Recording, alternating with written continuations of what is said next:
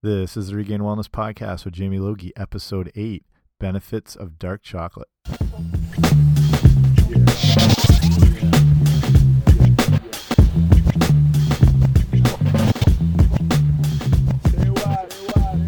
Hey guys, welcome back to the Regain Wellness Podcast. I'm Jamie Logie. I run regainwellness.com, which is the website to help you take back your health, kind of the one stop shop for all things nutrition, wellness, fitness. And if you're new to getting healthy and well and trying to get on top of your diet, you can head over to regainwellness.com slash guide and there you can sign up for the free ebook I've had that I'll send out to you and it'll get you signed up for the mailing list so it'll keep you up to date with all things to do with regain wellness everything i'm covering new blogs that come out when there's new podcasts just to keep you in the loop with everything today we're talking about the dark master the cocoa bean and you might be a chocoholic something like that you might not think there can actually be health benefits to chocolate but when you learn about what the right kind of chocolate is you'll see that it actually can be something that you can include in your diet. More often than not, we're talking about things you need to remove in order to get healthy. And once you get on this sort of path to health and wellness, it becomes about adding in the good things. And the more of these good things you add in, it starts to push away a lot of that garbage. And the one thing, like you're just saying, that is good if you get the right form of it is chocolate. And we're going to talk about the different types of chocolate. We're not talking about a caramel bar or a Hershey bar. We're talking about real, real chocolate. And kind of give you quick little history on where chocolate comes from and the fact that it's been a big part of people in society's lives for eons now going back to the aztecs good four or five thousand years ago they were grinding up cocoa beans and combining them with other ingredients to make drinks and kind of porridges and stuff like that. They would be really thick, and they would almost they basically have to drink with these kind of straws they crafted because it was think about it, it's like drinking oatmeal more or less, which is kind of how the earliest forms of beer were. They were these very porridgey, thick concoctions that were loaded with all sorts of different stuff, but they had to use these straws just to get right through them. Some of these ancient old recipes for these chocolate drinks are still survived, like or have been found and discovered, and you can still actually recreate them today. I'll put a link to that in the show notes just to show you one of the original forms of this chocolate drink. So everything today that I link in will be at uh, regainwellness.com slash 008.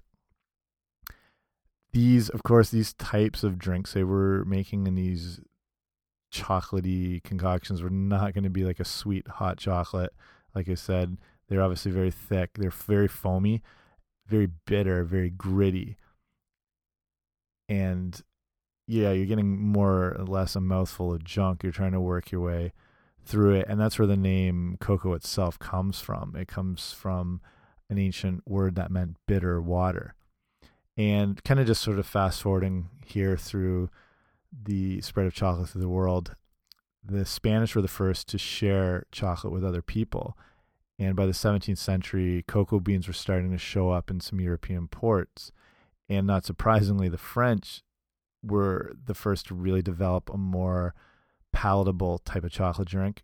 And by 1650, chocolate was being consumed into England now. And the French, the English, the Dutch, they had all developed chocolate into a sweeter product and even started making kind of the earliest forms of chocolate bars.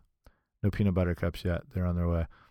The Swiss then really developed the first milk chocolate in the 19th century, and Rodolphe Lindt developed the chocolate fondant. And most people are familiar with the Lindt chocolate and all their different varieties they have out there.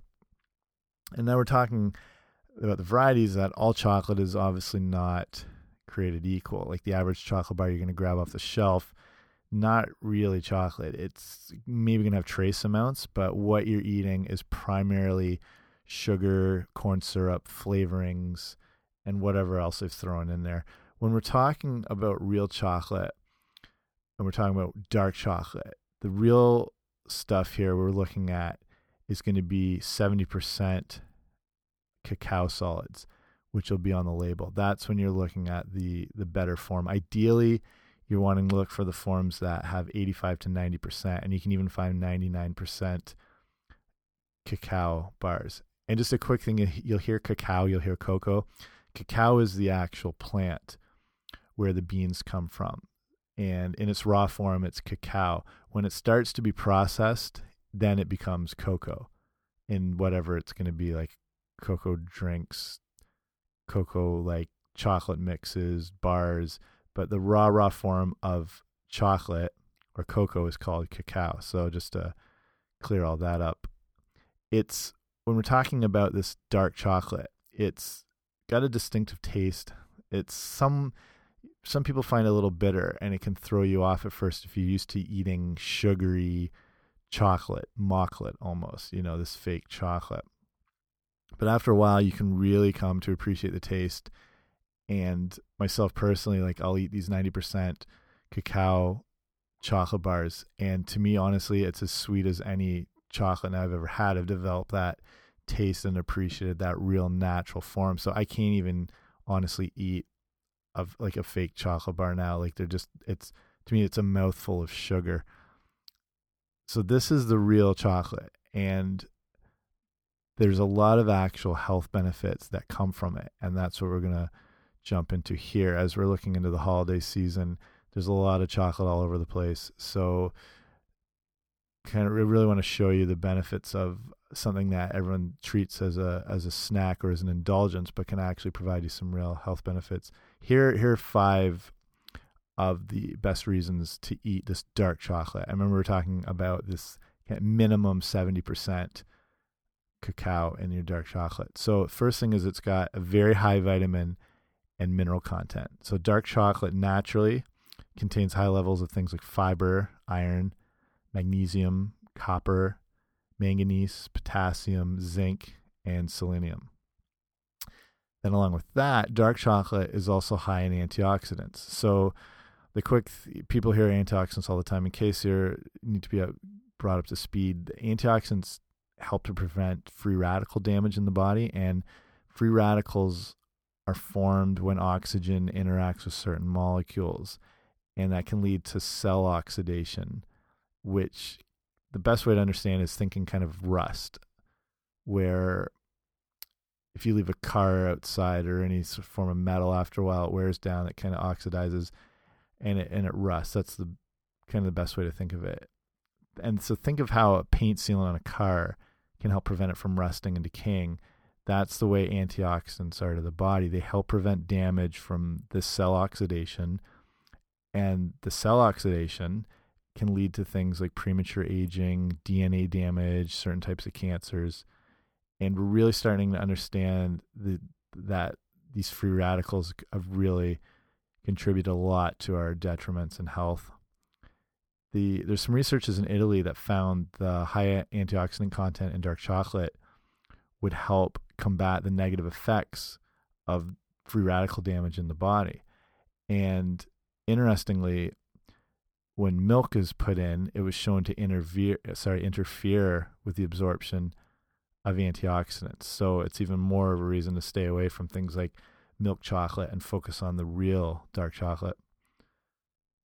Third benefit in eating dark chocolate for your health is that it can lower blood blood pressure. And there's some more research here coming out of Germany. And there was an 18 week study. I'll put the links for these things like the study up on those show notes again. This 18 week study looked at what were otherwise healthy individuals that had higher than optimal blood pressure. And small portions of dark chocolate were added into their relatively normal diet and then were seen to efficiently reduce blood pressure. So, one of the big benefits there. Fourth thing is dark chocolate can help prevent cardiovascular disease. And this is again, looking at the power of the antioxidants and coming through in the form of things called polyphenols or flavonoids. And these flavonoids are thought to have real heart protecting effects. And there's research out of Australia that showed that small daily dark chocolate consumption could potentially avert 70 non fatal and 15 fatal cardiovascular events per 10,000 people treated over 10 years. And again, these studies pointed out using at least 70% cacao solid dark chocolate rather than milk or white chocolate. An interesting side note here is when you test the antioxidant content in flavonoids and polyphenols and things like that, there's a measurement called ORAC, which is the oxygen radical absorbance capacity. And this is basically researchers put some bad free radicals against certain foods to see how the food's antioxidants disarm them. And then that gives it its ORAC rating.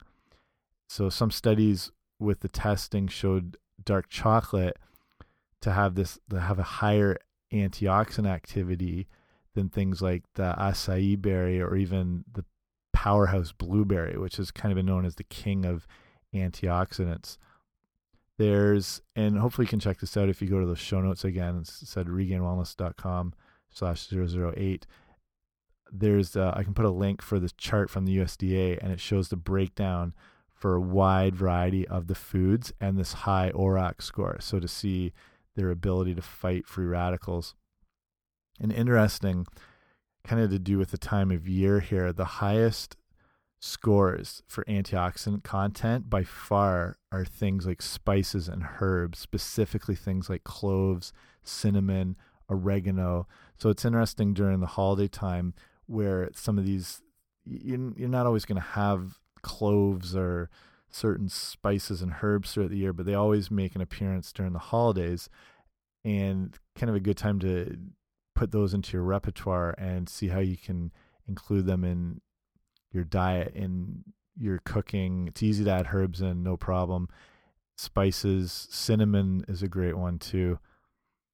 So, fifth thing here, dark chocolate can help manage and lower blood sugar. And this usually surprises people because you think of chocolate as, you know, high sugar and all that sort of thing. So, people with diabetes, prediabetes, and insulin resistance are the people that have trouble controlling blood sugar levels.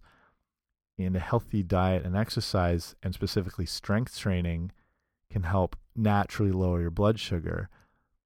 But what are some of the natural compounds and foods that can help with lowering blood sugar? And those are those polyphenols we talked about before.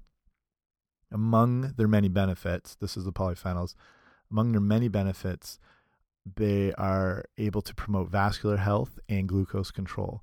And with dark chocolate being near the top of that antioxidant content list, it really can play an effective part in helping keep the blood sugar under control.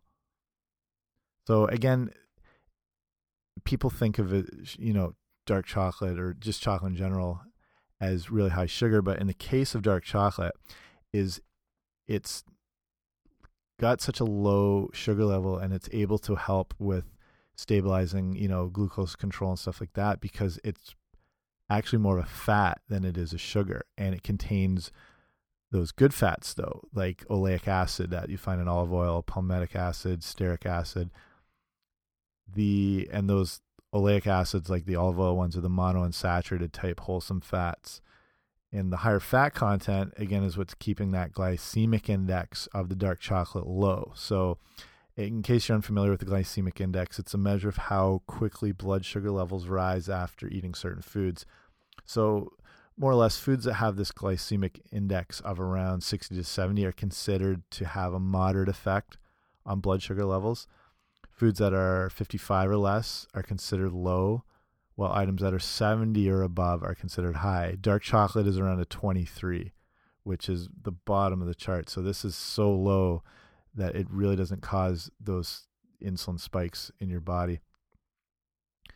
The glycemic index shows how foods that seem high because of their sugary content but contain some fat will elevate blood sugar more slowly than something that is primarily a low quality simple simple carbohydrate so like like obviously refined sugar, white bread, pastries, things like that shoot your blood sugar through the roof.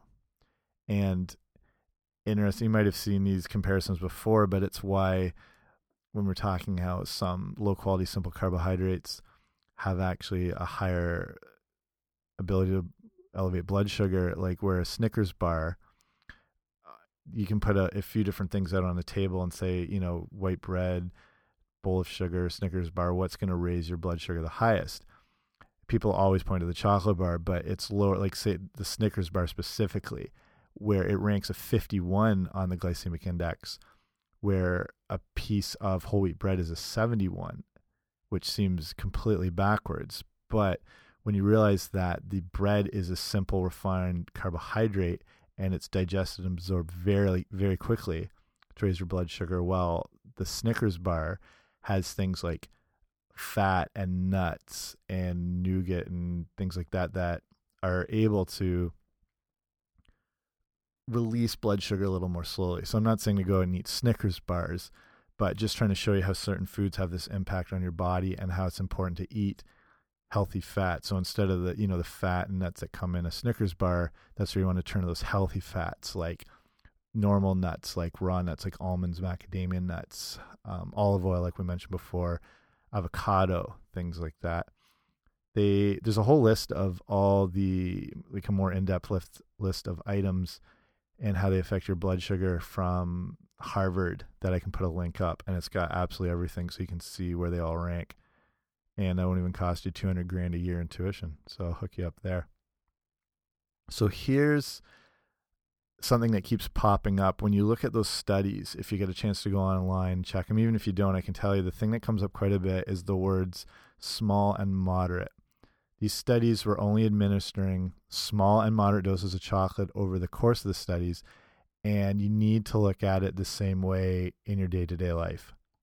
Due to its higher fat content and calorie content of this dark chocolate, you don't want to go crazy when you eat it and you know like the less processed the better but at least being exposed to a, a, a, real whole food your body's a little more accustomed to dealing with that so moderation in that sense will be key and you're able to relieve that sweet tooth if you have it and you know you're doing some good at the same time so if you do a square two of dark chocolate you know every other day every few days it's going to help if if you you really have that bad sweet tooth and those crazy sugar cravings it's really going to help kind of keep those cravings at bay. And then the main thing is help provide you with a lot of those health benefits.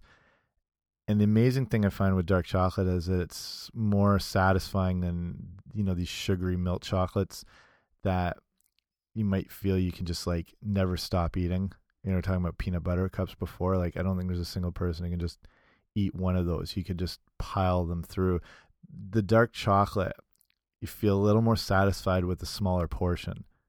So when we're talking about cravings, this is kind of a good tip when you feel really overwhelmed and really want a lot of sugar. If you take a square of dark chocolate, keep it under your tongue and let it slowly melt. So it's if you've had dark chocolate before, you know how it's it's quite firm. It's not it doesn't really melt in your fingers or hands as quick as you know like a milk chocolate. So you put this dark chocolate square on your tongue, let it slowly melt and this gradual release can really help satisfy the sugar cravings and more often than not people find they don't really need any more than what they just had in that one little square so I encourage you to give that a shot if you you know you do suffer from crazy sugar cravings at time which happens so so hopefully I've shed some light here on the benefits that can come from dark chocolate and that importantly that not all chocolate is created equal. So this is a time of year where you're going to see every form of chocolate ever created, pretty much. Is if you're listening to this later, I'm recording this on what's today, December 15th. So we're kind of in the home stretch for Christmas here. So chocolate is a plenty. So focus on finding the dark variety of chocolate, at least 70% cacao solids. Try to get up to 90. And uh, like I said, you'll develop that taste where you honestly won't be able to go back. If I eat 70% dark chocolate now, it, it, it's so overly sweet. Whereas the first time I had it, it felt like the most bitter thing in the world. But your taste buds will get accustomed and you'll grow used to this new form of real whole food chocolate. So that's everything from me today. Thanks so much for listening. Hope you enjoyed. If you did like this, please feel free to share, pass it on. If you could do me a favor and leave a review on iTunes, it really helps to promote the show. At the moment, I'm still up in that top 10 on the new noteworthy sections on iTunes under the fitness and nutrition category, which is a very tough category, as well as the foods category, uh, which is under the arts section in the iTunes sort of podcast directory. So leaving a review just helps bump it up, keeps it up there, and more people are able to check it out, listen to it.